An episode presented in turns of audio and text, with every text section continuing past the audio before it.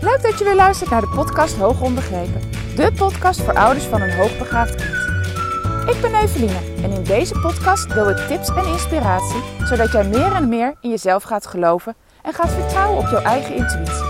Want jij bent precies de ouder die jouw kind nodig heeft. Hoe ga je om met uitdagende situaties? Hoe zorg je dat jouw kind krijgt wat het nodig heeft? En hoe zorg je ervoor dat jouw kind zich begrepen voelt? Ik heb zin om dit allemaal met jou te delen, laten we voor vandaag maar gaan beginnen.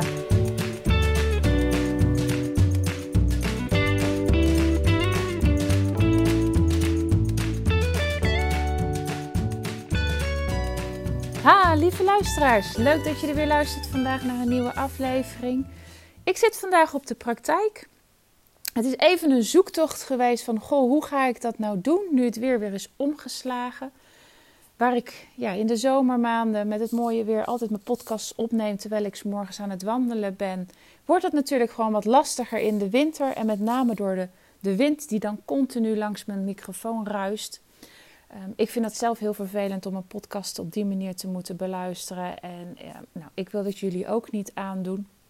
Maar ja, dat betekent wel dat het voor mij even wat meer zoeken is van een moment in de week te vinden waarop ik dan de podcast kan opnemen in een ruimte waar het dan ook echt rustig is. Nou, bij mij thuis lukt dat eigenlijk nooit. Uh, daar is het nooit rustig. Um, vandaag heb ik een plekje gevonden in de praktijk. Het is nu uh, zondag. En ik heb uh, tegen de kinderen en mijn man gezegd van luister eens, ik wil nu echt die podcast opnemen. Ik vertrek even naar de praktijk, ben er even een uurtje niet. En dan heb ik ook de rust om, ja, om mijn verhaal gewoon met jou te delen. Vorige week, of misschien inmiddels al anderhalve week geleden, had ik al op Instagram aangegeven dat ik deze podcast zou opnemen. Uh, het heeft dus even op zich laten wachten, maar dit heeft alles te maken. Deze hele podcast zal in het teken staan van, uh, ja, van het feit dat wij inmiddels weten wat er met onze zoon aan de hand is. Ik neem je even mee terug. Uh, een maand of drie geleden uh, kreeg mijn zoon, tenminste mijn zoon, onze zoon, kreeg uh, lichamelijke klachten, medische klachten. En wij zijn zo ja, het medische circuit ingerold in de hoop dat zij ons daarmee verder konden helpen. Nou, als je vaker mijn podcast beluistert, weet je dat, dat hij twee keer opgenomen is, twee keer een operatie heeft ondergaan. Um, hij is inmiddels uh, twee weken geleden ook een derde keer uh, opgenomen geweest. Toen is, hebben, ze, uh, hebben ze wel een medische, ja, hoe zeg ik dat? Hebben ze iets medisch moeten doen, maar het was geen operatie. En in al die maanden is het een, een behoorlijke zoektocht geweest naar wat hij nou eigenlijk had. Um, de klachten waren duidelijk, de problemen waren zichtbaar. Alleen hebben we heel lang niet geweten wat er nou aan de hand was.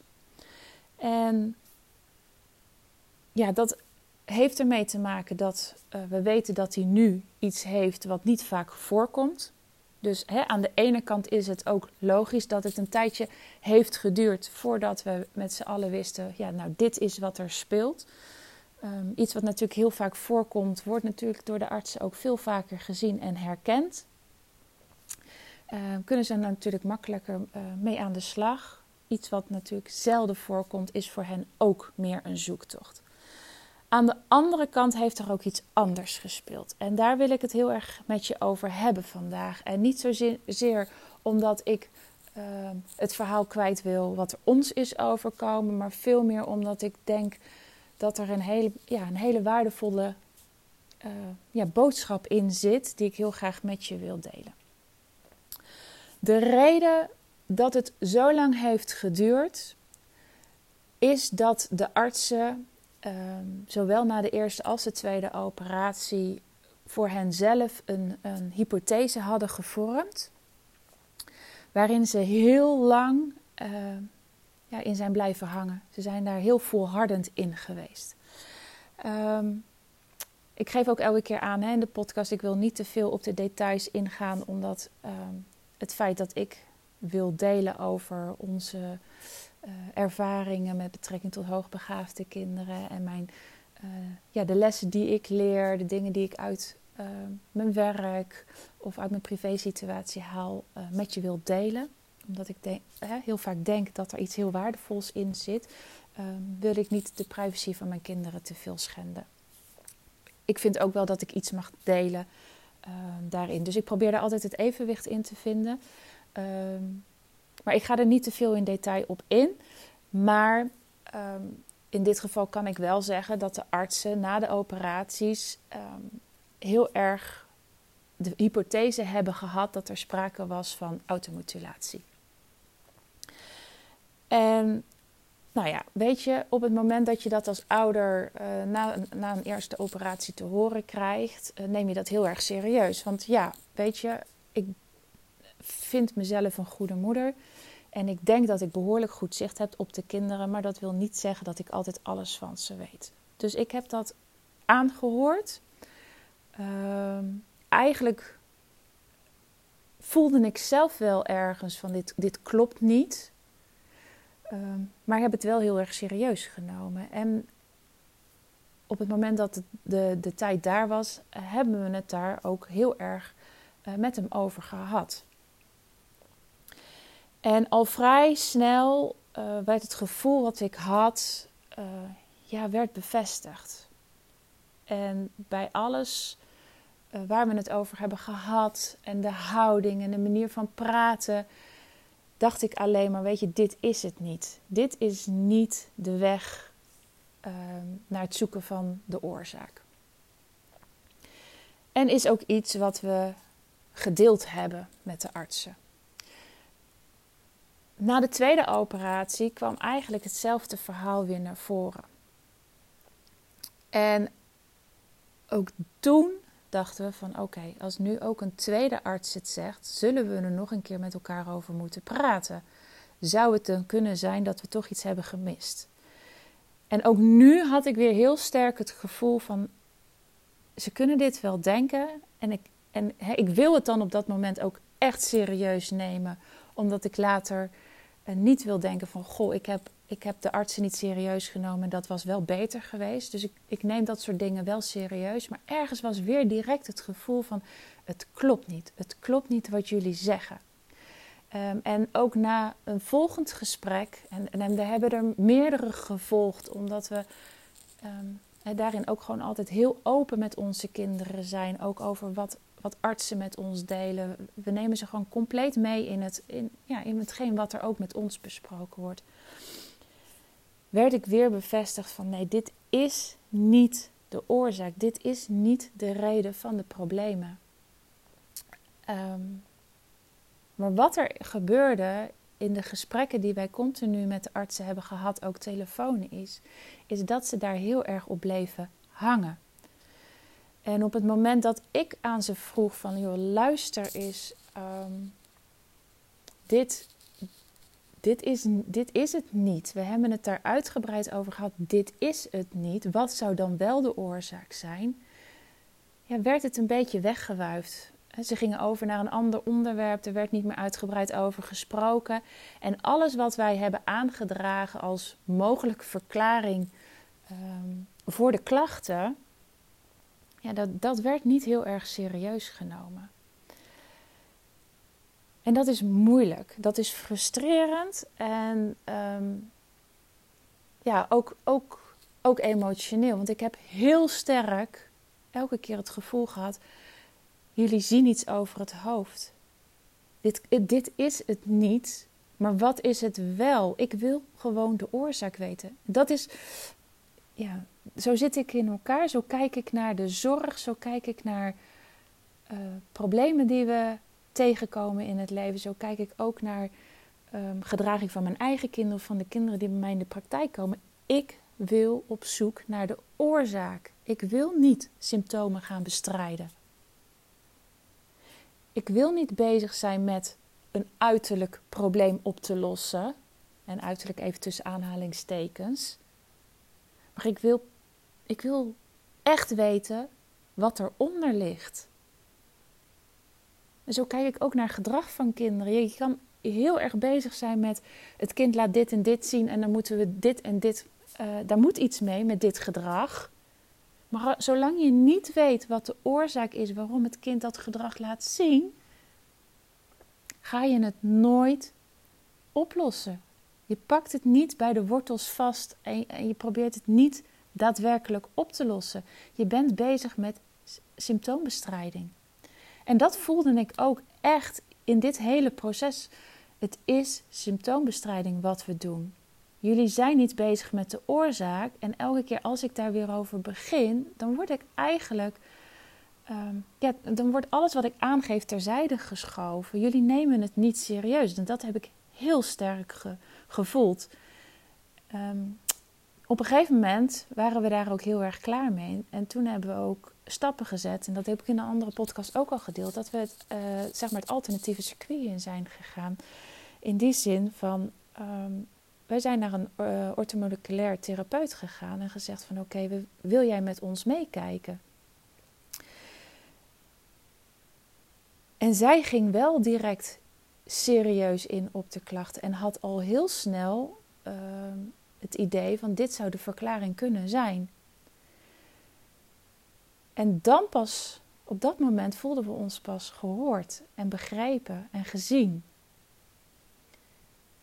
En het heeft dat, dat stukje, het feit dat wij verder zijn gaan zoeken en, en niet onze oren hebben laten hangen naar, naar wat de artsen dachten, heeft gemaakt uiteindelijk dat er ook bij de artsen een omslag kwam. Um, waarin wij hebben heel duidelijk in, op een gegeven moment in een telefonisch gesprek aangegeven van oké, deze stappen hebben wij zelf genomen. Wij denken dat hier de oorzaak ligt.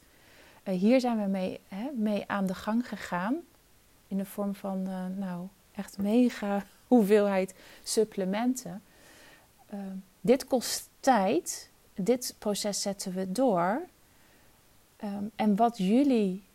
Um, ja, dat is niet zo uit. Ja, dat, mijn man heeft dat wel zo uitgesproken. Wat jullie denken is niet waar wij van denken dat het daadwerkelijk zo is. Wij kennen onze zoon goed genoeg om te weten wanneer hij de waarheid spreekt. En in dit geval is dit de waarheid wat hij spreekt. En wij, ja, ik heb het later nog aan mijn man gevraagd: wat heb je precies gezegd? Nou, eigenlijk heeft hij zoiets gezegd. Ehm, het komt er gewoon op neer dat wij heel erg vertrouwen op wat onze kinderen hebben gezegd en dat ook duidelijk naar ze hebben gemaakt. En voor de artsen was dat de omslag. Dat was, dat was het moment waarop ze zeiden van oké, luister. Ehm, en dat zei hij niet op dat moment hoor, maar de arts kwam daar uh, één of twee dagen later bij mij op terug. Oké, we gaan nu deze, deze en deze stappen zetten, want we gaan verder kijken. Jullie geven aan dat er echt een andere oorzaak moet zijn. Ehm, als jullie daar echt 100% zeker van zijn, dan, uh, dan moeten wij verder gaan zoeken. Uh, en dat is ook uiteindelijk gebeurd. En toen was binnen twee weken duidelijk dat er gewoon uh, ja, iets zit ehm, ja, wat aangeboren is. En ik moet heel eerlijk zeggen, toen de arts mij uh, hierover belde en dit ook naar mij benoemde, zo van we weten nu eindelijk wat de oorzaak is en um, ook aangaf van um, wij hebben heel lang het verkeerde pad gevolgd en daar hoeven we het niet meer over te hebben. Um, want dat is gewoon niet zoals het is. Daar hebben we intern hier ook over gesproken dat we hier ook het nooit meer met jullie over gaan hebben. Nou, dat moeten we nog maar eens zien. Want ik denk dat het nog wel verstandig is om een keer een goed gesprek hierover te hebben. Niet zozeer ja, om, om erin te wrijven dat ze het niet goed hebben gedaan, maar in de hoop dat ze er echt heel veel van leren. Um, en toen heb ik echt moeten huilen. Ik was zo ja, opgelucht na al die weken van vechten, omdat je zeker weet dat wat zij aangeven, dat dat niet, niet waar is geweest dat het dan ook uiteindelijk bevestigd wordt, dat was echt een ontzettende uh, opluchting. En niet alleen voor, voor mij, uh, maar ook voor onze zoon. Want die heeft dit ook heel erg gevoeld. Die heeft heel erg gevoeld dat hij niet geloofd werd.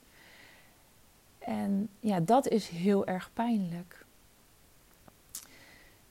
En ja, de reden dat ik dit zo uitgebreid vertel en dat ik hier een podcast over wil opnemen, is om, omdat ik het zo belangrijk vind dat wij als ouders veel en veel en veel meer achter onze kinderen gaan staan. En veel meer gaan vertrouwen op hetgeen wat ze aangeven, wat ze zeggen. Want eigenlijk, en ik voel dat heel vaak zo, ook in gesprekken met scholen of ouders of op, nou, waar dan ook. Ik voel dat er we collectief een behoorlijk wantrouwen hebben met z'n allen ten opzichte van kinderen, ten opzichte van wat ze vertellen, ten opzichte van wat ze zeggen. Er is altijd ergens een twijfel, een twijfel of het kind wel de waarheid vertelt, of het kind wel eerlijk is, of het kind ja, het wel het achterste van zijn tong laat zien. En ik denk dat daar een enorme gemiste kans is. Ik denk dat kinderen ons veel vaker vertellen wat er echt aan de hand is dan dat wij willen en durven geloven met z'n allen. En ik vind dat heel erg, heel erg erg dat je als kind eigenlijk ervaart dat de mensen, de volwassen mensen om je heen, en of dat nou dichtbij is of iets verder weg, hè, ook door leerkrachten of in dit geval door, bij ons door artsen, dat je niet geloofd wordt. Het is verschrikkelijk.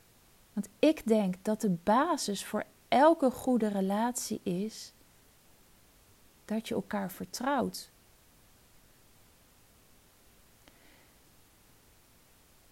En dat je als kind het gevoel en ook het vertrouwen krijgt van de mensen om je heen dat ze jou serieus nemen. En daarom neem ik deze podcast op. Want ik wil hier heel graag verandering in aanbrengen.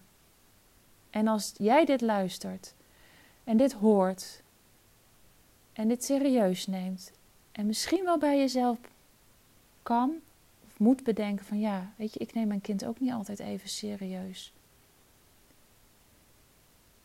Dan vind ik dat alleen maar mooi als je dat kan zien. Want als je het kan zien, kan de verandering gaan starten. En dit is echt, ik wil zo graag dit anders zien. Ik wil zo graag dat ouders hun kinderen serieus gaan nemen dat ouders vertrouwen op wat hun kind zeggen. Kinderen zijn niet geboren om de boel te flessen of om tegen jou te liegen. Dat is iets, als ze dat doen, dus je, weet je, ik geloof echt dat er kinderen zijn die dat heel erg doen. Maar dan zit er een ander probleem onder. Misschien heeft het kind dan al heel vaak ervaren van ik word toch niet geloofd. Maar echt, ik geloof zo serieus erin dat de basis van een kind echt niet is om oneerlijk te zijn. Ik denk heel erg serieus dat kinderen heel, hoe zeg ik dat? Heel Um, ja, het vloog net door mijn hoofd en dan ben ik het weer kwijt. Ja, dat ze eigenlijk ja, heel puur zijn van nature. Dat zij van nature heel puur zijn. En dat zij eerlijk zullen zijn over wat ze zien, wat ze meemaken, wat ze ervaren. Maar dat dat gaandeweg, dat pure, verdwijnt naarmate ze meer ervaringen hebben, dat die puurheid niet geaccepteerd wordt, niet serieus genomen wordt.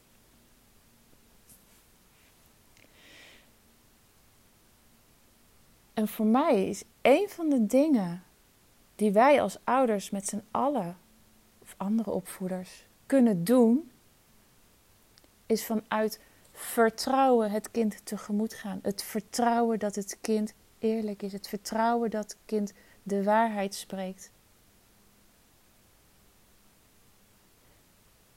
En vanuit daar het gesprek aan te gaan met het kind. Want ik snap ook dat het soms lastig is als ouder om te begrijpen van oké, mijn kind geeft buikpijn aan, maar wil straks wel een, hè, die eet wel nu een snoepje. Hoe dan? Het valt niet met elkaar te rijmen. En dan zijn we zo snel geneigd om te denken: oh, die buikpijn zal wel meevallen. Maar wat als die buikpijn niet voor echte buikpijn staat, maar voor iets anders? Bij kinderen uit stress zich heel vaak lichamelijk. Het is een signaal. Het is een manier om in communicatie te komen. Ze kunnen er heel vaak nog geen woorden aan geven. En het eigenlijk het ja, heel simpel is het op dat moment het kind serieus te nemen. Oké, je hebt buikpijn, ongeacht of ze dat snoepje nou wel of niet nog willen. Laat dat even. Het is een signaal. Ga erop in. Ga met het kind in gesprek. Neem het serieus. En bespreek dingen ook. Maak dingen ook duidelijk. Als jij twijfels hebt, omdat het kind dan, wel het snoepje neemt, uit dat ook van, joh, je hebt buikpijn, maar je eet wel het snoepje. Hoe kan dat? Ik begrijp het niet helemaal. Ook dat is open communicatie. Ook dan neem je het kind nog serieus en je neemt je eigen gevoel in deze ook nog serieus.